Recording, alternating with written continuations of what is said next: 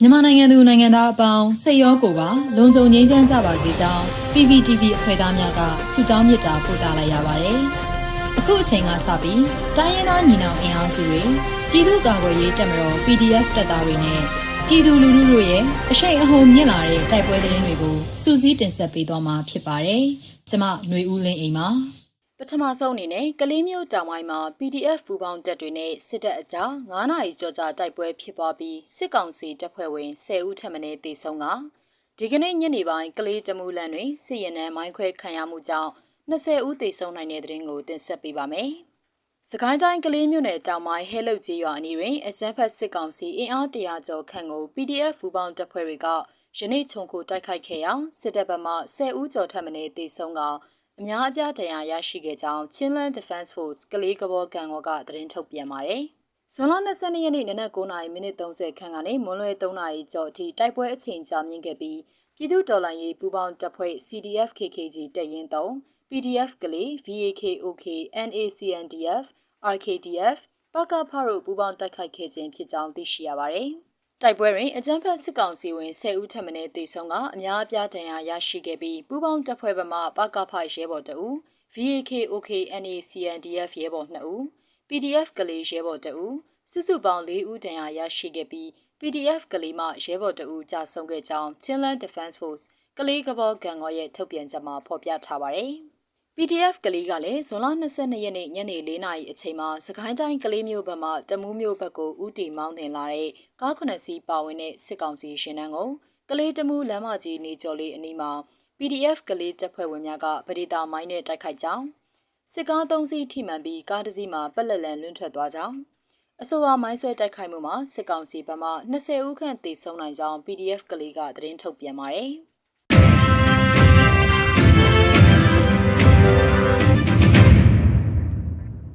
ဆက်လက်ပြီးကတာမှာ17ရက်တာတိုက်ပွဲအတွင်းစစ်သား145ဦးထပ်မံတေဆုံးတဲ့တဲ့ရင်ကိုတင်ဆက်ပေးပါမယ်။စကိုင်းတိုင်းကတာမြို့နယ်အတွင်း ABSDF ကတာမြို့နယ်ပြည်သူ့ကာကွယ်ရေးအဖွဲ့ပကဖကတာခရိုင် PDF တပ်ရင်း3ရကြေးပကဖများမဟာမိတ် EROS များကဇွန်လ17ရက်နေ့မှ21ရက်နေ့အထိစစ်ကောင်စီတပ်တွေကိုတိုက်ခိုက်ခဲ့ရာစစ်သား145ဦးထပ်မံတေဆုံးခဲ့ကြောင်းကတာမြို့နယ်ပြည်သူ့ကာကွယ်ရေးတပ်ဖွဲ့ကသတင်းထုတ်ပြန်ပါတယ်။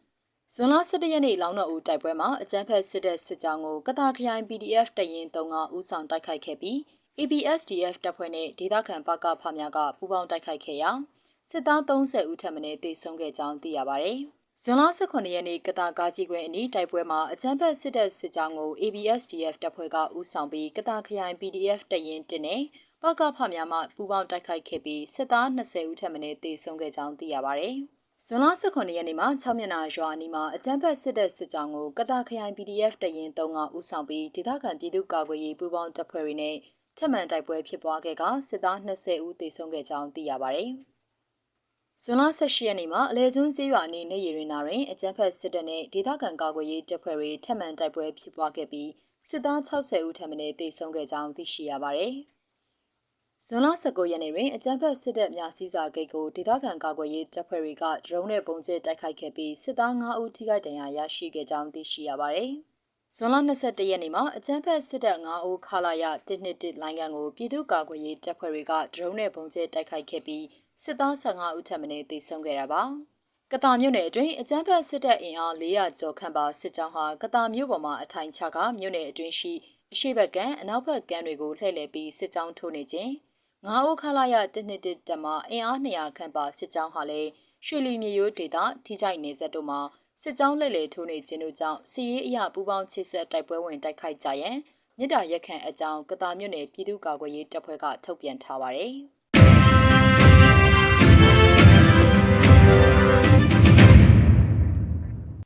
မြို့မရဲစခန်းကို120မမနဲ့ပြစ်ခတ်တိုက်ခိုက်မှုမှာ9ဦးထပ်မံတေဆုံးနိုင်တဲ့တဲ့ရင်ကိုဆက်လက်တင်ဆက်ပေးပါမယ်။စကိုင်းတိုင်းစလင်းချင်းမြို့မရဲစခန်းကိုယနေ့23ရက်နေ့နနက်ပိုင်းမှာ120မမလက်နက်ကြီးနဲ့စစ်တလုံးပစ်ခတ်ခဲ့ကြောင်းတွေ့ရတင်ကြိုင်ဒါမဆိုင်ပျောက်ကြားတပ်ဖွဲ့ကသတင်းထုတ်ပြန်ပါတယ်။ယနေ့ဇွန်လ23ရက်နေ့နနက်2:30မိနစ်အချိန်စလင်းကြီးမြို့မရဲစခန်းကိုတွေ့ရတင်ကြိုင်ဒါမဆိုင်ပျောက်ကြားတပ်ဖွဲ့မှ 120မမလက်နက်ကြီးနဲ့စစ်တလုံးပစ်ခတ်ခဲ့ရာစကန်းခေါမှုပေါ်ကြပြီးစစ်ကောင်စီတပ်ဖွဲ့ဝင်9ဦးထပ်မံတေဆုံးကထိခိုက်ဒဏ်ရာများရရှိနိုင်ကြောင်းမြို့မစကန်ကိုတွေ့ရတင်ကြိုင်ဒါမဆိုင်ပျောက်ကြားတက်ဖွဲ့တက်ခွဲနှင့်တက်ခွဲလေးတို့ဖြင့်ပူးပေါင်းတိုက်ခိုက်ခဲ့ခြင်းဖြစ်ကြောင်းထုတ်ပြန်ထားပါတယ်။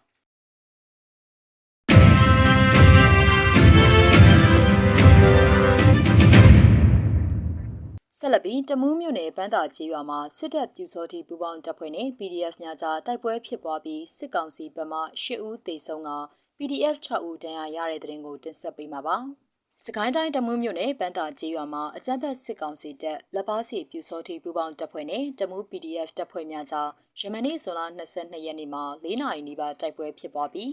စစ်ကောင်စီနဲ့ပြူစောတိများဘက်မှ၈ဦးသေဆုံးက15ဦးထက်မနည်းဒဏ်ရာရကြောင်းတမူး PDF သတင်းရင်းမြစ်ထံမှသိရှိရပါတယ်။ကလေးတမူကားလန်ပေါ်ရှိစစ်ကောင်စီတပ်ဖွဲ့နဲ့ပြူစောထီတွေတက်ဆွဲထားတဲ့ပန်းတာကြီးရွာကိုတမူး PDF တရင်လေးရင်နဲ့ Special Task Force တို့ပူးပေါင်းပြီးဝင်ရောက်တိုက်ခိုက်ခဲ့ခြင်းဖြစ်က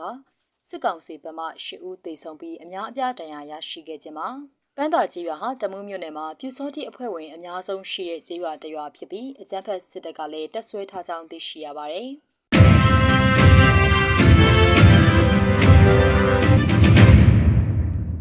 နောက်ဆုံးအနေနဲ့အမျိုးသားညီညွတ်ရေးအစိုးရပြည်ထရေးနဲ့လူဝင်မှုကြီးကြပ်ရေးဝန်ကြီးဌာနက2022ခုဇွန်လ23ရက်ရက်စွဲနဲ့ထုတ်ပြန်တဲ့ ပြည်သူ့ခုခံတော်လှန်ရေးသတင်းအချက်အလက်တွေကိုတင်ဆက်ပေးသွားမှာပါ။အာနာသိန်းအကြံဖက်စစ်အုပ်စုရဲ့ပြည်သူလူထုအပေါ်အကြံဖက်ဖိနှိပ်ဖန်ဆီးတိုက်ခိုက်တပ်ဖြတ်နေမှုတွေကိုပြည်သူလူထုတရက်လုံးကအသက်ရှင်တန်ရေးအတွက်မိမိကိုယ်ကိုမိမိခုခံကာကွယ်ပိုင်ခွင့်အရာ